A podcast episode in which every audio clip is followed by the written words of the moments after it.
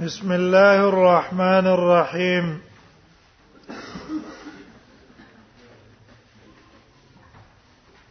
باب ما جاء في الكفاره في ذلك باب د بیان د هغه حدیث کې چې راغله ده په بار د بیان د کفاره کې فی ذالک دا هغه چا په بارک کې چې په حالت د حیز کې صحبت کې د خپل خزې سره وبي قال حدثنا علي بن حجر قال سنا شريك عن قصيف عن مقسم عن ابن عباس عن النبي صلى الله عليه وسلم في الرجل وبارد هغه سړي کې يقعو چې هغه جماع وکي على امراتي د خپل خزې سره او یې حائز قال يتصدق بنصف دينار دا حدیث تاسو ابو داود کې ویل يتصدق بنصف دينار یا دا محمول له پاغه صورت باندې چې وتیو کې په اخر کې او یاد حدیث کې اختصار دی هلته مونږ ویل یتصدق بنصف دینار يتصدق بدينار وإن أصاب في آخر الدم وبي قال سنة سنة بن حريس قال سنة فضل من موسى أنا بحمزة السكري أنا تقريبا مقسم من ابن عباس النبي صلى الله عليه وسلم قال إذا كان دما أحمر فدينار سره اینه و مان ابتدا ورځ وی دینار ده وین کان دمن اصفر فنصف دینار او ک دم اصفر و به نصف دینار ده قال ابو ساوي حديث الكفاره في اتيان الحائز وې دا حدیث د کفاره په تیار الحیض کې قدرو ان ابن عباس موقوفا و مرفوعا مرفوعا نقل له موقوفا نقل له وهو قول بعض العلم وبي يقول احمد واسحاق ادرام بارك وای یستغفر ربك ولا كفاره عليه هذا جمهور قولم ده الله نه بخنه غواړي کفاره پښته ده وقد روي مثل قول ابن مبارك عن بعض التابعين بعض التابعين نم نقل لجي سعيد بن جبير ابراهيم نه باو ما جاء في غسل دم الحيض من الثوب بعد بیان د دې کې چې ان د حیض نجسه ده که په کپڑے باندې اولګېدل هغه به انځه تفصیل سمنګ دا ویاله چې په دې اتفاق دی چې ان د حیض نجسه ده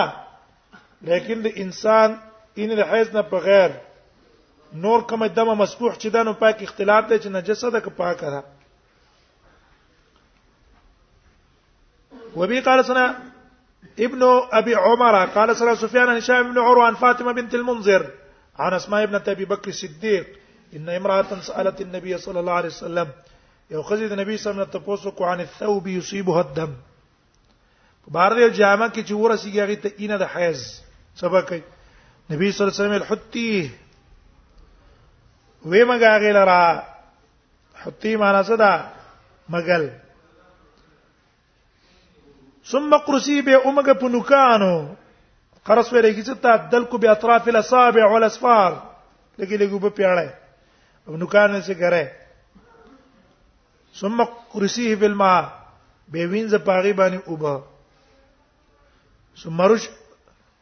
قرص ویل کی څه ته لګي لګي وب په چول سم مګل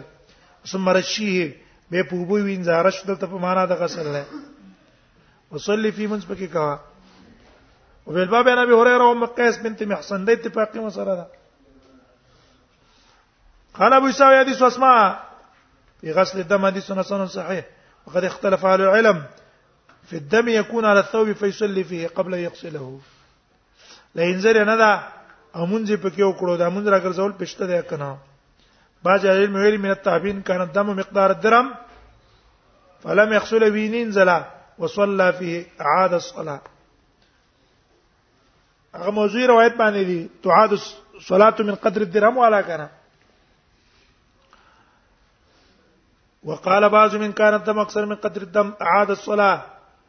وقول سفيان الثوري بن مبارك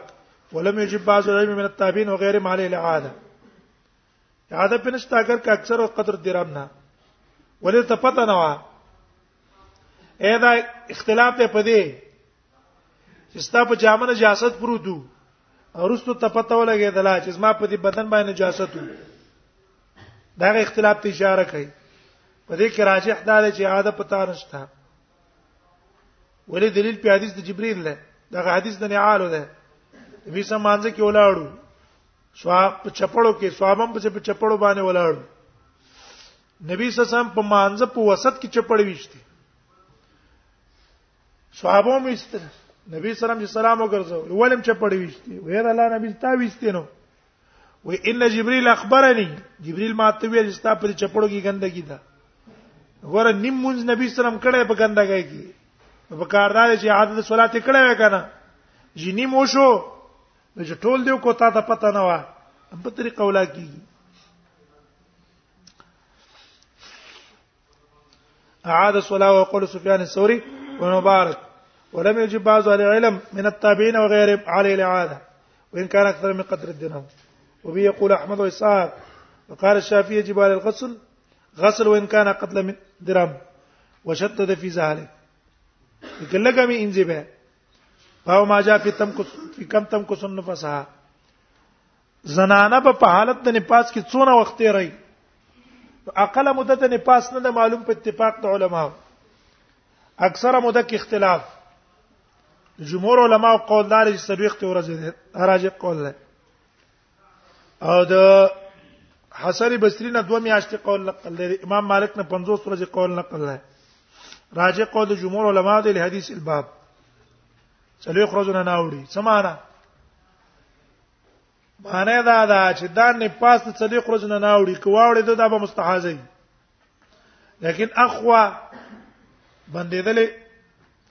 د چپ ابتمی د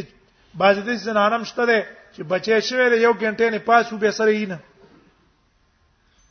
چې کله اول ورځ نه پاک شو بس دا اول ورځ نه پاک حسابيږي لیکن عام ته کوم وخت پورې چلےږي څلوي خروزه پورې چلےږي دا مسله ذکر کړئ وبي قال سر بن علي قال شجاع شجاع بن الوليد ابو بدر عن علي بن عبد عبد الاعلى عن ابي سال عن مصطفى الازديه عن ام سلمة قالت كان النفساء تجد صلاة رسول الله صلى الله عليه وسلم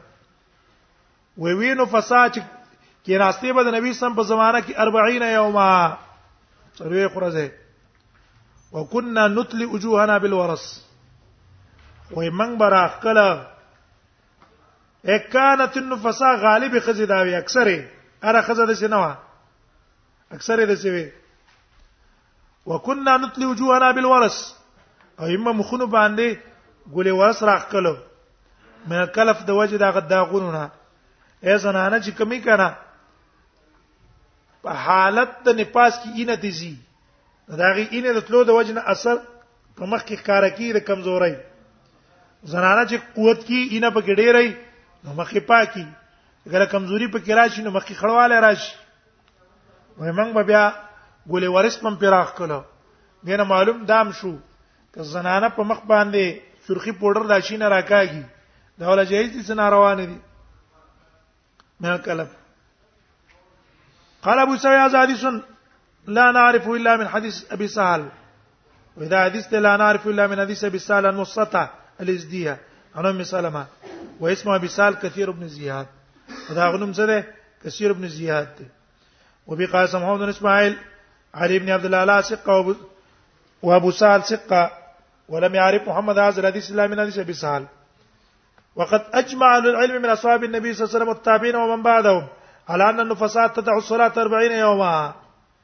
وصابت سلوي خرج مونږ پرې دي الا ان ترت طهر قبل ذلك ان کدی نه مخکې پاک شوه فإنها تغتسل وتصلي لام به مونږ بکې فإذا أرات الدم بعد الأربعين کڅلوي خرج نرست مينوا فإن أكثر العلم قالوا لا تدعوا الصلاة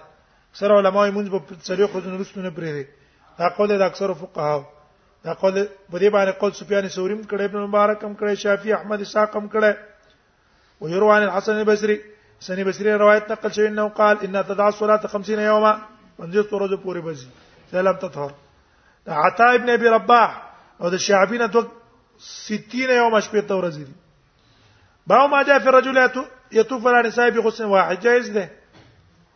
اخر کې لامبي ابو داود کې روایت ویله د انس انس ان رسول الله صم کان تو پر صافي غس واحد په باب کې د ابي رافع هم ده ابي رافع روایت دي څو هر غسل نه رسول لمبلې دي قال ابو سعيد حديث عن حديث صحيح وقول غير واحد من العلم من حسن البصري لا باس ان يعود قبل ان يتوضا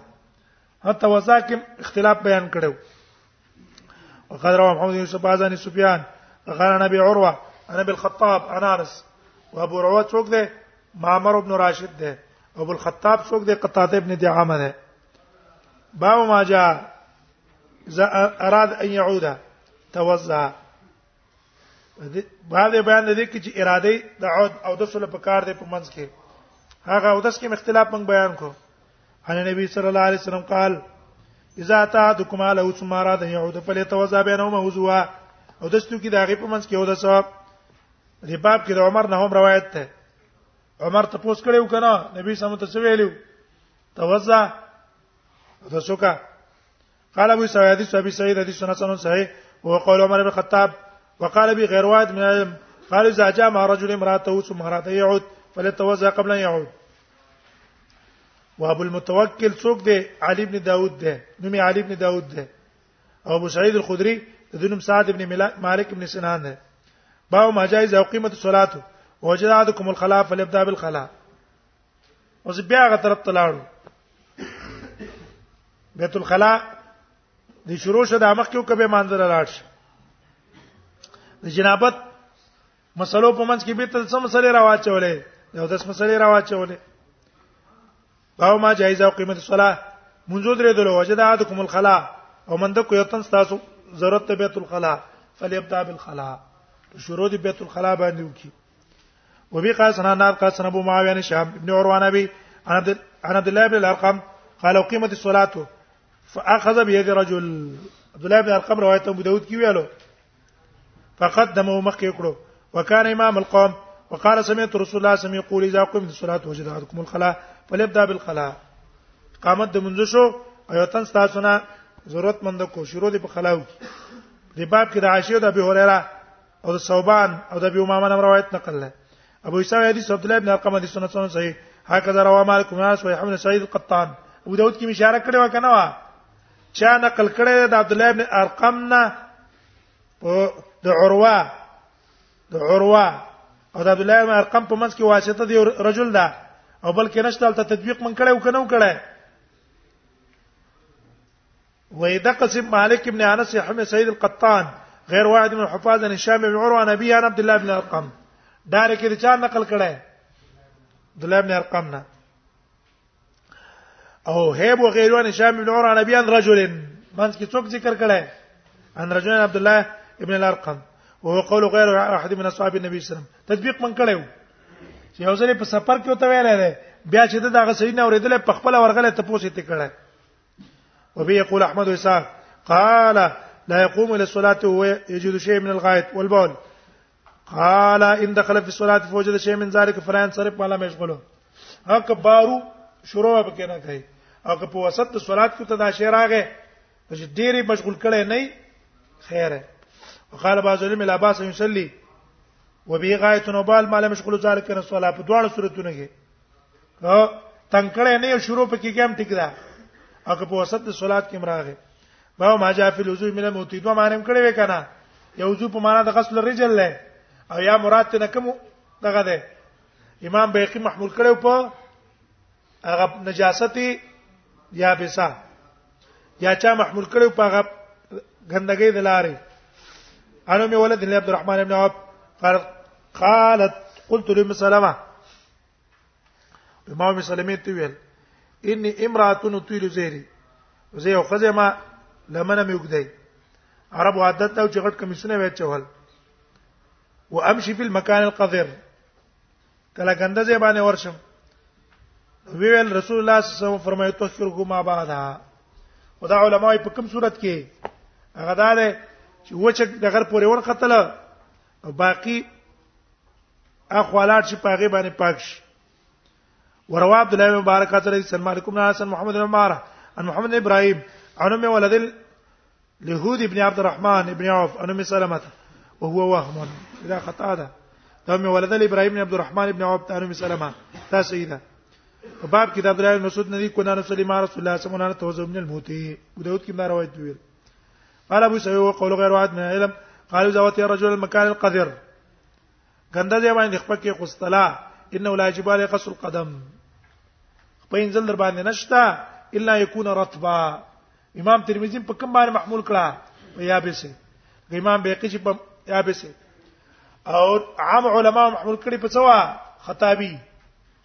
چې دا محمول نه په وضو نه مراد وضو شرعي ده ټول او داس بیان کو صرف کم ځای به انځلو په به انځلا باو ما جافي تيمم بعد بیان تیمم کې وبقى سنا ابو حبس عمر بن علي الفلاس باب ته ورسوي ابواب الصلاه هغه د نږدې ده پر وې رسول ان سعید ان قتاده عن حضرتان سعید ابن عبد الرحمن ابن ابزا عن ابي انا مار ابن ياسر النبي صلى الله عليه وسلم زیدا مسلم یو وینو مملګو ګرځي